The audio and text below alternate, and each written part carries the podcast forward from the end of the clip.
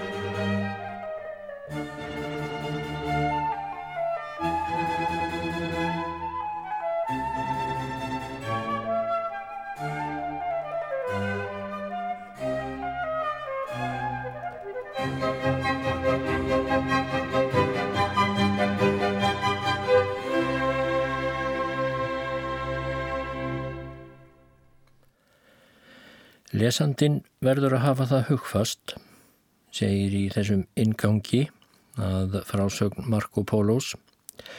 Lesandin verður að hafa það hugfast að á því herrans ári 1260 þegar Baldvin Annar var keisari í Konstantinopel þá lagði Niccolo Polo, fadir Marco Polos, af stað á eigin skipi frá Fenegjum til Miklagarðs eður Konstantinopel á samt Maffeo bróður sínum.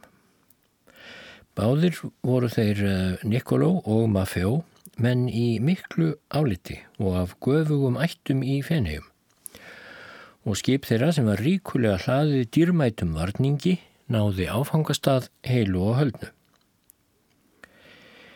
Er þeir bræður höfðu dvalið um stund í Miklagarði, fóru þeir að íhuga hvað gera skildi næst og ákvaðu loks að halda försinni áfram yfir svartahafið til að reyna að ebla verslunarhagnað sinn.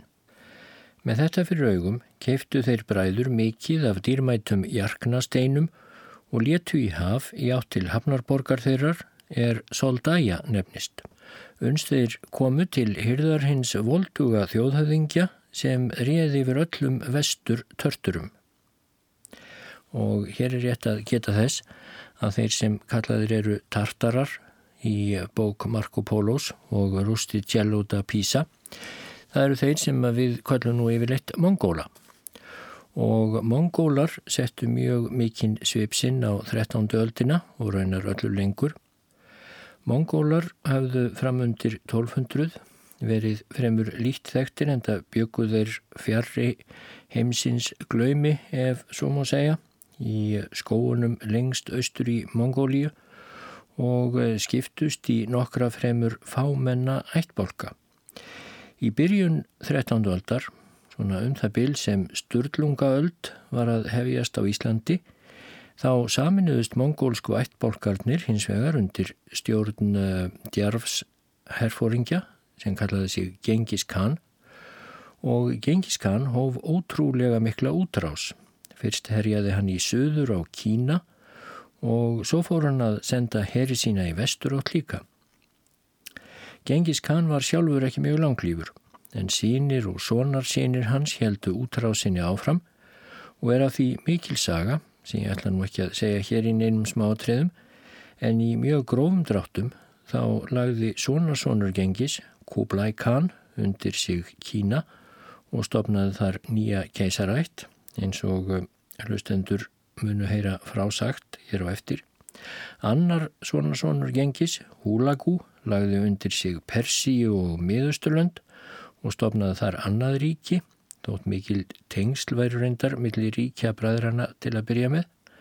Abaka hétt sonur Húlagús og arftæki en síðan tók Argún við af honum sem herra kanveldi sinns mongólska í Persíu og Mesopotamíu og Argún þessi kemur við sögu hér á eftir. En önnur bylgja mongólskra herja held svo inn á sléttur Rúslands og Úkrænu og gekk af kænugarðsríkinu fræga döðu og virtist um tíma þess albúin að leggja undir sig mið Evrópu en ekki varða nú af því. En í eh, bók þeirra Marco Polos og Rusti Cello da Pisa þá eru mongólar sem sagt yfirleitt kallaðir tartarar. Og þarna voru þeir bræður Niccolo Polo og Maffeo Polo komnir til borgarinnar Soldæja þar sem svo kallaðir vestur tartarar byggu og í formála bókarinnar segir áfram Þjóðhöfðingi sá sem réði löndum í Soldæja og nákrenni hétt Barka en aðsettur staðir hans voru Bolgara og Sarra við ána Volgu. Það orð fór af Barka að hann væri einna mildastur og göfuglindastur af þjóðhöfðingum þeim er tartarar höfðu haft yfir sér síðan gengis kann leið. Barka brást gladur við komu ferðamannana og tók þeim af mikilli príði. Að launum síndu þeir honum gimsteina sína og gaf honum þá. Er þeir höfðu gengið úr skuggaum að fegur þeirra laut náð fyrir augum barka. Guðfugmannleg framkoma þeirra feneisku bræðra vakti undrun barka og þar sem hann vildi ekki standa þeim bræðrum að baki í gjafmildi þá skipaðan að þeim skildi goldið tvöfalt verði gimsteinana og gaf þeim auk þess aðrar góðar gjafir. Er þeir bræður höfðu dvalið eitt ár í löndum konungs þessa þá tóku þeir að þykja á heimferð til ættjarðar sinnar í fenegjum. Súför fórst þó fyrir vegna þess að ófríður braust út millir barka og annars þjóðhauðingja, húlagú að nafni sem réði ríkjum yfir austur törturum.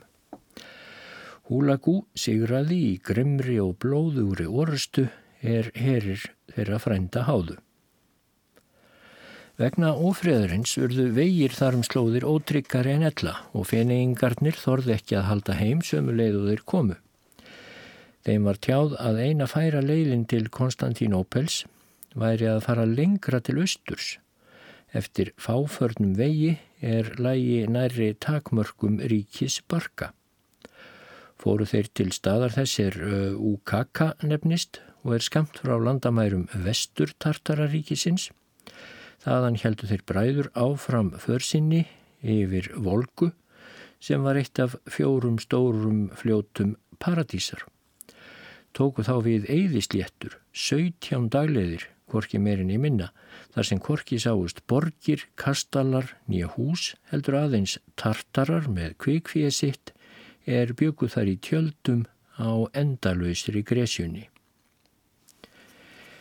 Er þeir bræður voru komnir yfir þessi héröð komu þeir að reysulegri borg sem Búkara nefnist í samnemndu fylki og er hluti af Persíu.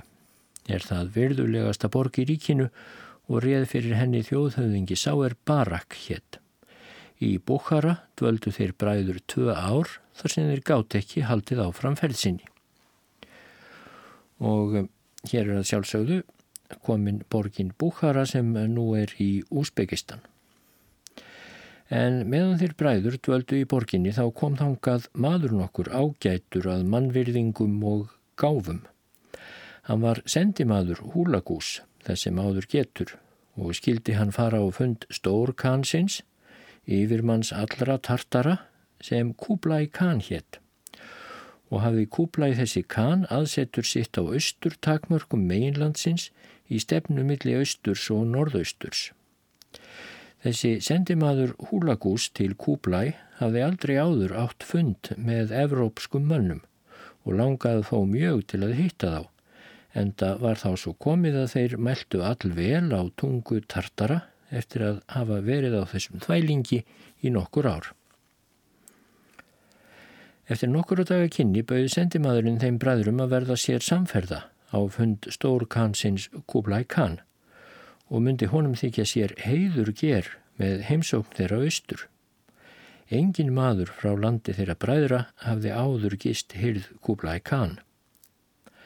Jáframt fullvissaði sendimaðurinn þá um að stór kanin myndi taka þeim með virtum og gefa þeim ágættar gjafir. Bræðrunum frá feneium var ljóst hver hætta vofði yfir þeim á heimleiðinni, svo þeir gengu að bóðinu.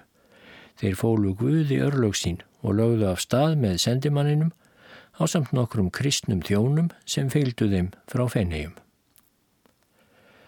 Bræðurnir fóru eins og leið lág, mestan part í norður átt og að ári liðinu eftir mikla ferð yfir sléttur fjöll og dali þá komu þeir til Hallar Gúbla í Kann.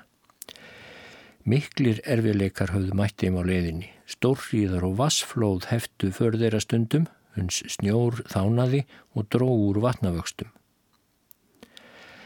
En þegar ferðamennir voru leittir á fund Stór Kansins, Gúbla í Kann, þá tók hann þeim með mikil blíðu og vinsemt sem honum var eiginleg. Þar sem hér voru á ferðinni fyrstu latnesku mennirnir er heimsóttu ríki Stór Kansins, þá let hann slá upp dýrlegri vistlu þeim til handa og margan annan sóma síndi hann þeim bræðrum. Sjálfur tók Stór Kanin náðarsamlega státt í viðræðum við þá bræðurna og lagði fyrir þá ítarlegar spurningar um hægi og háttu í vesturlöndum um romverska keisaran í Miklagarði og aðra kristna konunga og þjóðhöðingja. Stór kanin fýsti mjög að vita um vald þeirra og ríki, hvernig réttarfar væri í löndum þeirra og hvernig herstjórnarmálum væri skipað í þeirra hópi. Framar öðru spurði hann um pávan, hag kirkjunar, guðustýrkun og kennisetningar kristina manna. Þeir bræður voru vel að sér og hátt prúðir menn og listu því með ágætum úr spurningum stórkansins. Sögum þess að þeir hafðu lært að tala á tungu tartara og voru menn kurteisir, þá let stór kanin oft kalla á þá Nikoló og Maffeo á sinn fund og síndi þeim margvíslegan sóma. Og þegar svo Kublai Khan drottnari yfir öllum törturum, konungsríkjum, löndum og fylgjum í þeim hluta heimsins, hafði fengið frá bræðrunum þær upplýsingar sem þeir máttu bestar veita, þá skýrði hans hátign þeim frá þeirri hugmynd að taka þá í þjónustu sína. Þegar stór kaninn hafði rætt málið við ráðgjafa sína, bað hann bræðurna að takast á hendur för fyrir sig á fund Pávans í Rómaborg. Einn af eðstu trúnaðarmönnum stórkansins, Kókatal að nafni, skildi vera þeim til fulltingis og feildar á leiðinni. Tilgangur farar þessarar var að byggja hans heilagleika að senda hundrað lærdómsmenn frá Evrópu á fund stórkansins. Áttu þeir að kunna glöggskil á grundvallaratriðum kristinnar trúar og hinnum sjö vísindagreinum. En það sem kallað var hinnar sjö vísindagreinar á þessum tímapunkti miðalda voru málfræði, mælskufræði, rökfræði, landafræði, reikningur, tónlist og stjörnusbeki. Var þetta gert með það fyrir augum, segir í bókinni, að þessir lærdomsmenn getu fært lærðumönnum í ríki stórkansins heim sanninum það með óvíkjandi rökkum að kristin trú væri augljósari sannleikur en nokkur önnur trúarbröð. Þá áttu þeir ennfremur að sanna að guðir tartara og hjáguðamyndir sem þeir tilbáðu á heimilum sínum væru aðeins íllir andar og að Östurlanda þjóður væðu í villu og svíma er þær tilbæðu slíka guðdóma. Stór kaninn hvað það ennfremur myndu gleðja sig stórlega ef þeir bræður vildu koma til Jérúsalem og færa sér nokkuð af ólíunni helgu sem hann hafi frétt að brinni á lampa þeim er logaði yfir gröf Krists. Fyrir Kristi hvaðst stórkanin bera djúpa lotningu. Það er nú reyndar alveg óvíst hversu mikla þekkingu Kublai Khan hafði í raun og veru á þeim tíma um kristindómin og líka alveg óvíst að hann hafi borið svo ósvikna virðingu fyrir kristindómnum og kristi sjálfum sem gefið er í skín í bók þeirra Marco Polos og Rusticelli. En hitt er víst að Kublai Khan var afar forvitin maður og fróðlegsfús þannig að það kemur vel heim og saman að hann hafi viljað senda uh, sendimenn til Evrópu til að kynast þar vísindum og hugmyndum nýjum. Og er þeir bræður hafðu móttekið skipun Stór Kansins, þá fjallu þeir honum til fóta, segir í bókinni og lístu því yfir að þeir væru reyðubúnur að reka erindi hans til hins ítrasta. Að því búinu létt stórkaninn rita bref til Pávans á máli tartara og fekk bræðrunum í hendur. Loks skipaði stórkaninn svo fyrir að bræðrunum skildu fengnar í hendur gulltöflur þær með áletrun keisarans sem vant var að láta af hendi við slík tækifæri til sérstakra sendibóða. Hver sem hafði slíka töflu undir höndum átti rétt á örugri fyllt fyrir sig og sitt lið frá einni varðstöð til annarar í ríkjum þeim sem lötu stjórn tartara og voru síslumenn skildir til að innast líka fyllt af hendi hver í sínu héradi. En fremur hafði sendimaður með gulltöflu af þessu tægi rétt til að fá vistir og annað er hann gintist til farar þæginda í öllum borgum, bæjum og þorpum ríkisins. Að undirbúningi þessum loknum kvöttu þeir bræður stórkanin og byggust til ferðar með eh, heiðurs erendi sín. Tæplega höfðu þeir þó ferðast 20 dagleiðir þegar kókatal, liðsfóringi og leiðsögumadur þeirra síktist svo hættulega að hann varð að hætta förinni. Bárum enn nú saman ráð sín um uh, hvað við blasti og kom þeim saman um að bræðurnir skildu halda försinni áfram til Ítalíu og fjælst kókatal á þá ákvörðun. Þannig helt förinni áfram og komu gulltöflurnar í góðar þarfir þar sem þær treyðu bræðrunum kvarvetna bestu móttökur. Allt sem þá vanhagaði um var þeim fengið í hendur án endurgjalds og hvergi skorti leðsögumenn nýja varðmenn. En þrátt fyrir það var ferðin þó þrótlaus baráta við harðindi náttúrunar, frost og stórhríðar, ísa og vasflóð. Förin gekk því hægt og að þremur árum liðnum komu bræðurinnir loks til hafnarborgarinnar Læjas í Littlu Armeníu. Þaðan fóru þeir sjóleiðina og komu til Akkons í aprílmánuði 1269. Þar fréttu bræðurnir sér til mikils harms að Pávin, Clemens Pávi fjörði, væri nýláttinn. Legáti Páva, Tebaldo de Vesconti, í Piacenza dvaldi um þær myndir í akkon og gengu bræðurnir á fund hans og tjáðu honum erindi það sem stór kann tartara hafði falið þeim. Legáttinn uh, ráðlaði þeim að býða uns nýr páfi væri í kjörin og bera þá fram við hann erindi stór kannsins. Bræðurnir fjallust á þetta ráð og ákvaðu að verja byggtímanum þanga til nýr páfi tæki við til þess að heimsækja ættingja og vini í fenniðum tóku þeir sér far með skipi sem fór til Negropont og þaðan heldu þeir áfram til Feneja. Þegar heim kom frétti Niccolo Polo að kona hans væri látin. Hún hafi verið barsafandi þegar hann fór og lést af barsförum en barnið lifði og hafði hlotið nafnið Marco, Marco Polo. Og Marco Polo var nú 15 ára gammal sveitn. Þetta er herra Marko sem samið hefur þessa bók, segir í bókinni, og lýsir hér öllu því sem á daga hans hefur drifið.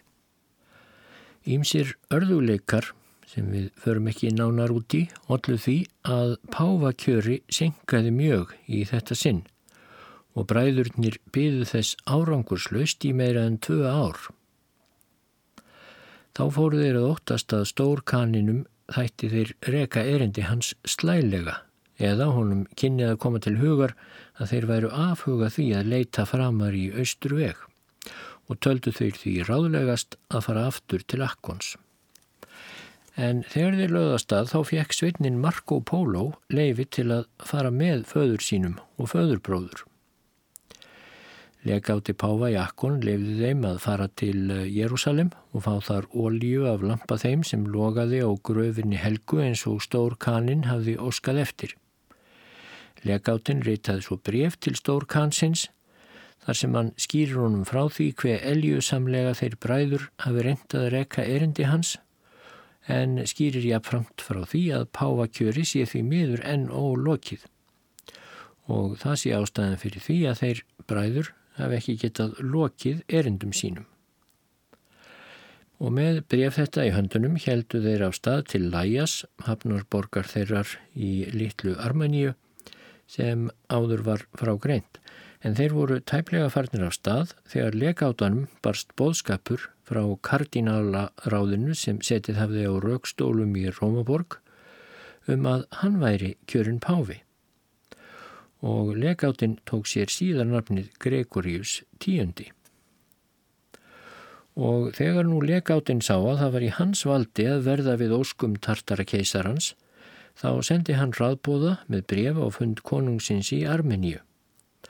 Í brefi þessu skýrir hann frá páfakjöri sínu og bað konungin að snúa við sendimönnum þeim sem voru á leið til hyrðar stórkansins, svo fremi sem þeir væri ekki farnir úr löndum hans og bóðskapur þessi náði reyndar bræðrunum og Marko meðan þeir voru enn í Armeníu og snýru þeir þá óðar við til Akkons allshugar feignir yfir þessum tíðindum.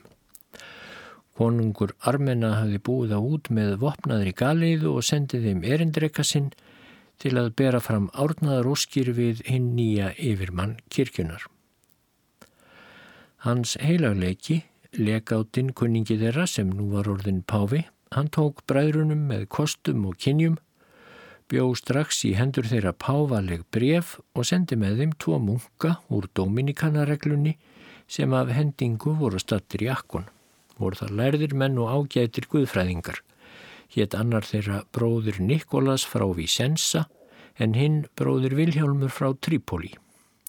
Þeim gaf Páfi vald til þess að skipa presta, výja biskupa og veita syndaaflaust með sömu áhrifum og Páfi sjálfur værið að verki. Þá fekk Páfi þeim ímsar ágætar gjafir, svo sem skraut kér úr kristal sem þeir skildu færa stórkaninum á samt kveðju Páfa og blessun. Ferðin hós nú að nýju og var henni heitið sem fyrr til hafnarborgarinnar Læjas. Þar stígu þeir á land og heldu inn í Armeníu og þegar þangað kom fréttu þeir bræður að Búndóktari, soldán í Babilón, herjaði víða í Armeníu með miklu liði. Þá örðu munkarnir tveir, sendimenn Pávans, svo óttastleiknir að þeim fjallust hendur og ákvaðað fara ekki lengra. Skiluðu þeir þá brefum og gjöfum Pávans í hendur bræðranna, skutu sér svo undir vernd musterisrittara sem þarna voru á ferðum og erðu þeim samferða til strandar að nýju. En þeir Nikoló, Maffeo og Marco Polo letu ekki þessa örðuleika tálma försinni en það voru þeir ímsu misjöfnu vanir. Þeir fóru yfir landamæri Armeni og heldu försinni áfram austur á bóginu. Ferð þeirra varaði alls hálft fjórða ár uns komið varað leiðarlokum en vetrarmánuðunir örðu þeim reyndar mjög ódrjúgir til ferðarinnar.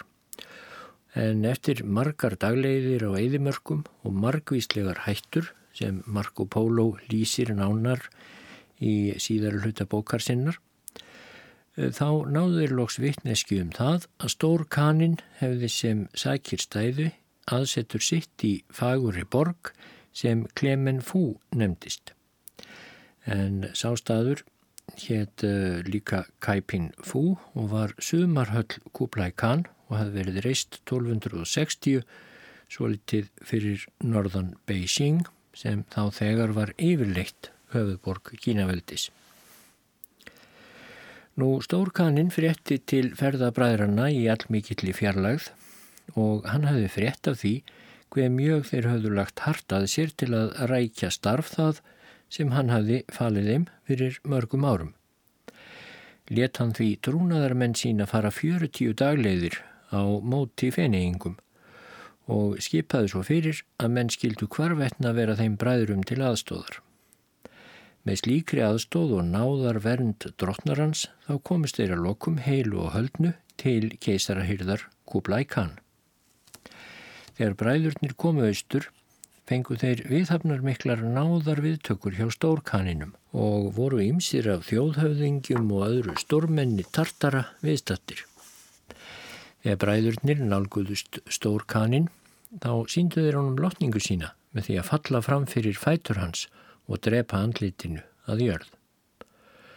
Stórkanin Kublai skipaði þeim að standa þegar á fætur og skýra sem greinilegast frá öllum atvikum úr försinni og hversu samningar hefur tekist við hans heilagleika Pávan í Rómaborg. Stórkaninn hlustaði í þögulli aðtikli á frásögnina sem bræðurnir röktu í réttri tímaröð og fluttu á skýru og glöggu máli. Því næst réttu bræðurnir stórkaninum bref og gjafir Gregoriusar hins nýja páfa og er brefin höfðu verið lesin fyrir hans hátegn, rósaði hann mjög erindreikum sínum fyrir trygg þeirra, kostgefni og hyggindi. Með djúpri lotningu veitti hann ólíunni Helgu frá Jérúsalem móttöku og mælti svo fyrir að hún skildi gemd með þeirri alúð sem Helgi hennar sæmdi. Þegar stórkaninn kom svo auga á Marco Polo og spurði hver hann væri, þá svaraði Nikoló fadur hans Hann er þjótt niðar en sonur minn. Stórkaninn svaraði, veri hann einnig velkomin. Gerðist nú stórkaninn verndari sveinsins Marco Pólos og tók hann í lífvörðsinn. Að lokum let stórkaninn efna til dýrlegrar vistlu til að fagna afturkomu bræðrana. Meðan þeir bræður og Marco dvöldu við hyrð stórkansins nutu þeir mikillar virðingar jáfnvel meiri en margir hyrðmenn hans. Marko var sérstaklega vel metinn og eftirlæti allrar hyrðarinnar.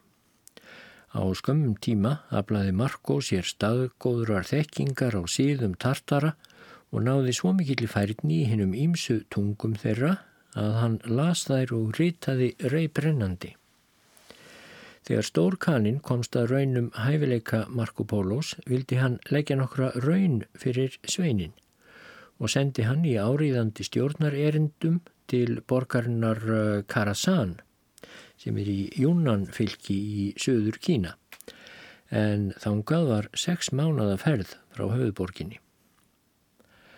Marco Polo vissi að stórkannin hafði mikinn áhuga fyrir öllum skýrslum er vörðuðu síði og háttum hanna í fjarlægum löndum sem honum var ókunnugt um og gætti Marco þessi vel að setja allt slíkt á sig og gera aðtúasemdir um allt mögulegt sem hann sá og hyrði svo fróðulegs físn stórkansins yrði sem best svalað. Þegar Marko kom aftur úr þessari fyrstu sendiför sinni fyrir Kublai Khan þá gekk hann á fund stórkansins og gaf honum ítarlega skýrslu um erindislokin sem voru hinn ágætustu. Fínast gaf hann hressilega og glögga skýrslu um eh, hvaðeina af nýjungum þeim sem fyrir augu hans höfðu borið. Stórkanin og allir þeir sem álítu undruðust mjög og sagðu ef eh, þessum unga manni auðnast að verða gamal maður þá leynir sér ekki að hann verður spakviturt mikilmenni. Og frá og með þeim degi var hann ætið ávarpaður við hyrðina Herra Marco Polo.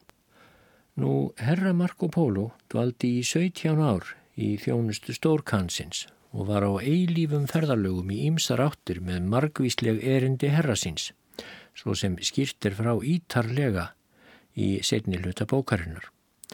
Stundum fór hann í orlofi stórkansins sína eigin erinda.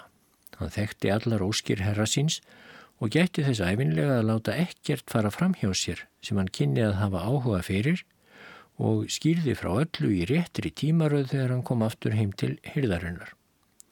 Vandist hann þannig að taka eftir og punta hjá sér það sem hann sá. Virðingsú og vináta sem keisarin bar til herra Markós ógs og honum voru ætíðar falin mikilvæg verkefni. Í fjarlægustu löndum tangað sem Kublai Khan sendan. Verkefni þessi leisti herra Markó ætíð farsællega og af lagni sem Guði sé þökk fyrir. Vinátt að keisarans í garð herra Markós fór ennvaksandi og sparaði stórkanin engan sóma honum til handa. Hvað svo mikið að því að ímsum hyrðmönnum þótti meir en nóg um. Þannig bar það til að herra Marco Polo aflaði sér fræðslu um fleiri lönd heimsins en nokkur annar maður eða þá hann heimsóttu þau sjálfur. Hann var ætíð önnum kafin að sapna fróðleik, rannsaka og spyrjast fyrir með það fyrir augum að fræða keisaran.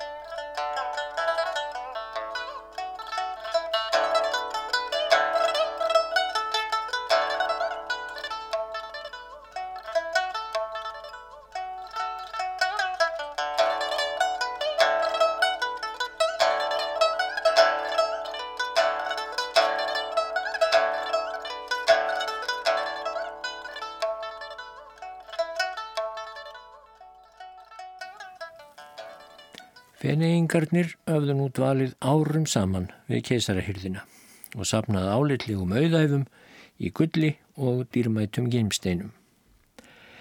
En þrátt fyrir virðingu þá og velvild sem þeir nutu af keisarans hálfu, óskuðu þeir innilega eftir að fá að sjá ættjörð sína aftur og fór heimþrá feneinga vaksandi eftir því sem árin liðu.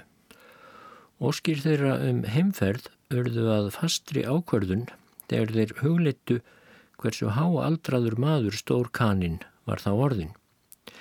Bæri andlát hans að áður en þeir færu þá myndi það svifta þá þeirri ofinbyrju stóð sem þeir gátt ekki án verið ef þeir átt að geta yfirstíið hættur og torfærur heimleiðarinnar og ná heilu og höldnu heim.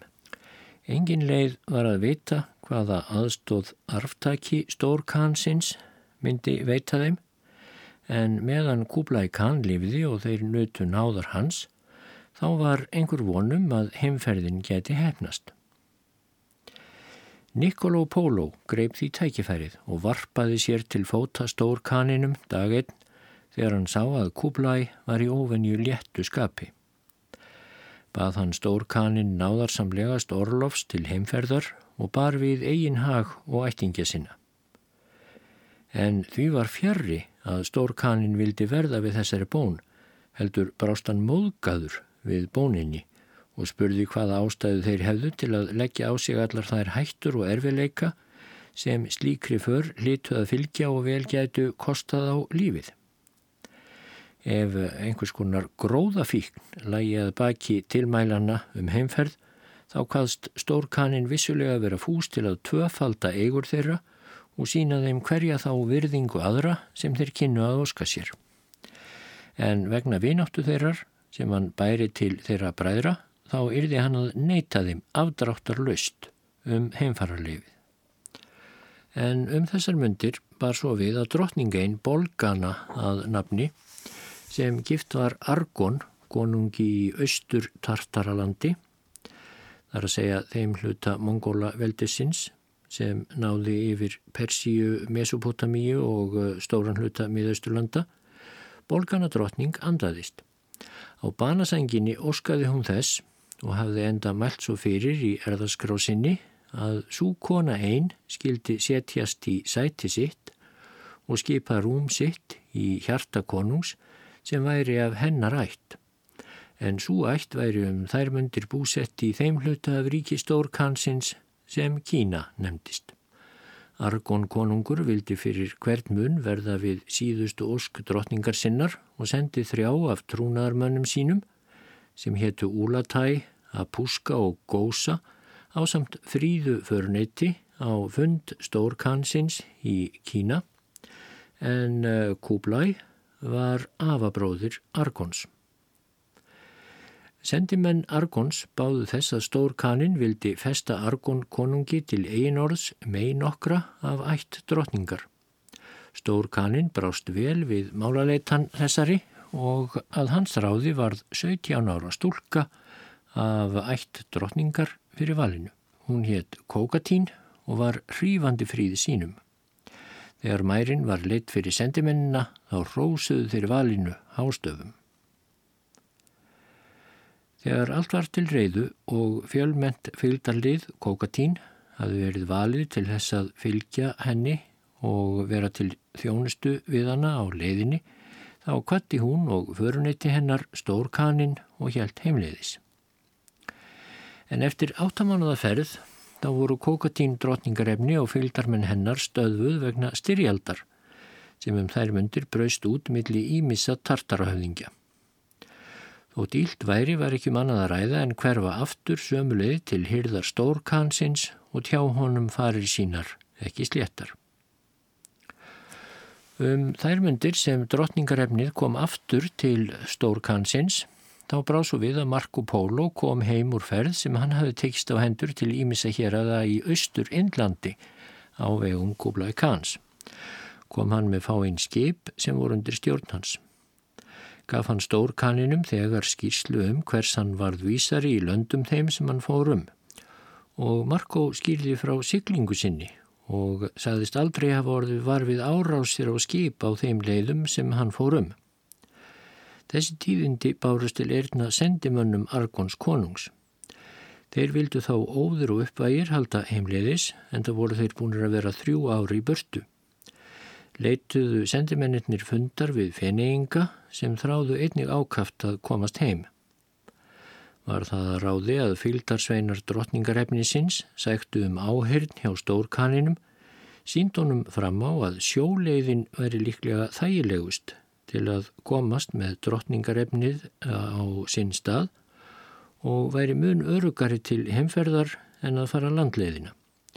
Auk þess er því sjóferðin greiðari og ódýrari eftir reynslu þeirri sem Marco Polo hefði aflað sér fyrir skömmu þegar hann sigildi um þessar slóðir. Ef stórkaninum lítist á þessa ráðagerð þá báðu sendimennir hann enn fremur að láta lausa úr þjónustu sinni Evrópumennina þrjá að tölu svo þeir getu sylt skipunum og verið leðsögumenn heim í ríki Argons konungs. Þegar stórkaninum bárust þessi tilmæli lendi það sér ekki á svipriðum hans að honum líkaði stórlega miður. Svo trekt var honum orðið að hugsa til þess að leiðir hans og feneigingan að þryggja skildust en hann fann jáfnframt að hann gatt með engum rétti neyta þessari bón og leti undan síga og veitti leifið. Ef stórkannin hefði ekki séð hver mikilvægt og aðkallandi þetta mál var, hefðan vissulega aldrei gefið þeim frændum brottfarar leifið. Því næst let stórkannin kalla feningana fyrir sig og rætti við þá af mikillig góðvild og miskunnsemi. Stórkannin let á heita því að vitja aftur á sinn fund þegar þeir hefðu dvalið um hríð hjá ættingum sínum í Evrópu. Því næst skipaði Kublai svo fyrir að þeim yrðu fengnar í hendur tvær gulltöflur en á þær var letruð skipun um gríð og fylgd hvar sem þeir og förunautur þeirra færu um ríki hans. En fremur skildu þeir fá byrðir af öllu sem þá vanhagaði um. Að lokum gaf svo stór kannin þeim umbóð til að koma fram sem erindrekar hans hjá Páfanum í Rómaborg, konungum Fraklands og Spánar og öðrum kristnum þjóðhauðingjum. Feneingarnir þrýr kvöttu svo stórkanin og leisti hann þá út með ágætum gjöfum í róðasteinum og öðrum fögrum og dýrmætum gimsteinum. En fremur skipaði hann svo fyrir að skip þau sem þeir skildu sigla á, 14 talsins, yrðu búin að vistum og öðrum útvegi til tveggja ára. Eftir hérum byl þryggjamánaða siglingu komu þeir að eilandi einu í söðri sem Java heitir. Þar sáu þeir marga sjaldgæfa og aðtiklisverða hluti sem skýrtir frá síðar í bókþessari. Förinni var svo haldið áfram og eftir átján mánaða ferðum indversku höfin komu þeir til ákvörðunarstaðar síns í ríki Argons konungs. Þegar leiðangursmenn stígu á land barst þeim reyndar svo fregn að Argon konungur væri nýlega andaður og að maðurinn okkur Kiyataku að nafni færi með ríkistjórnina í umbóði konungssonana sem enn voru í bernsku.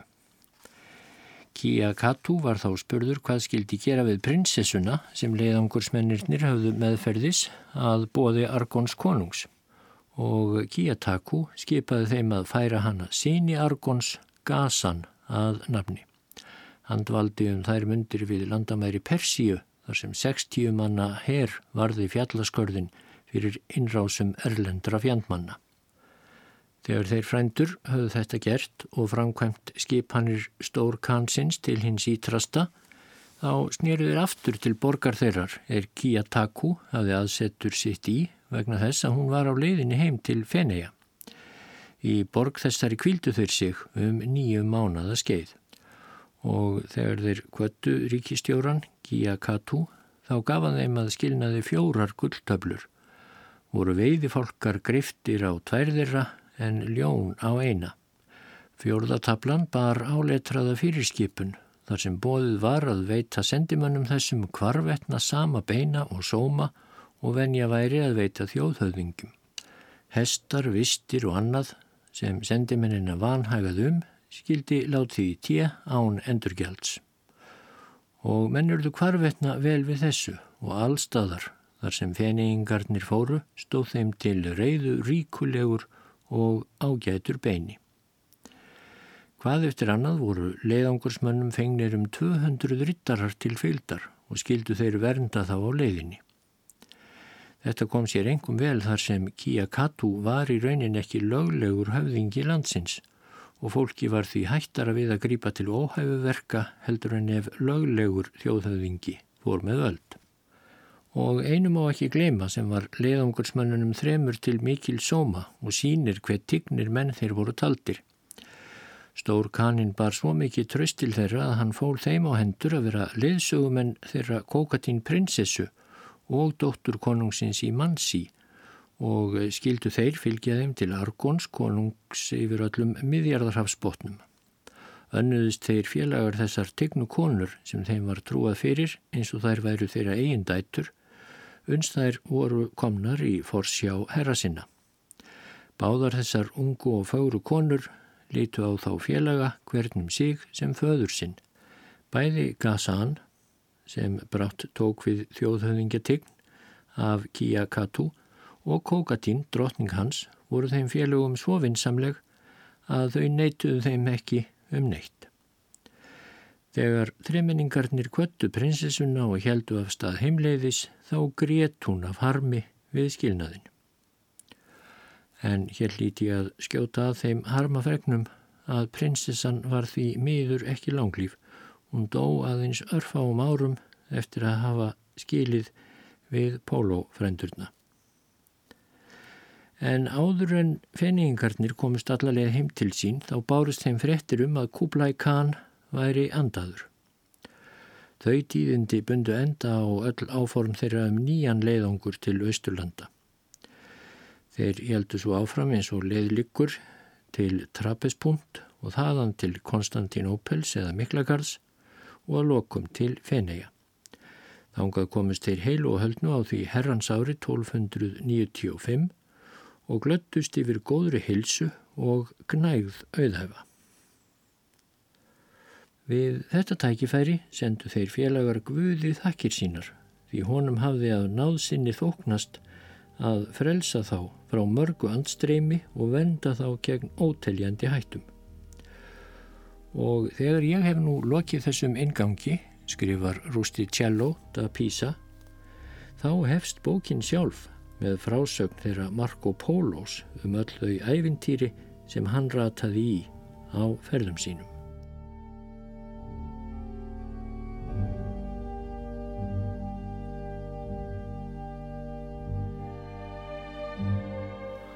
Og hver veitnum að ég farið að dæmi Rústi Tjallós og glukki síðar betur í bókina og einhverja af þeim ævintýrlegu köplum sem þar er að finna.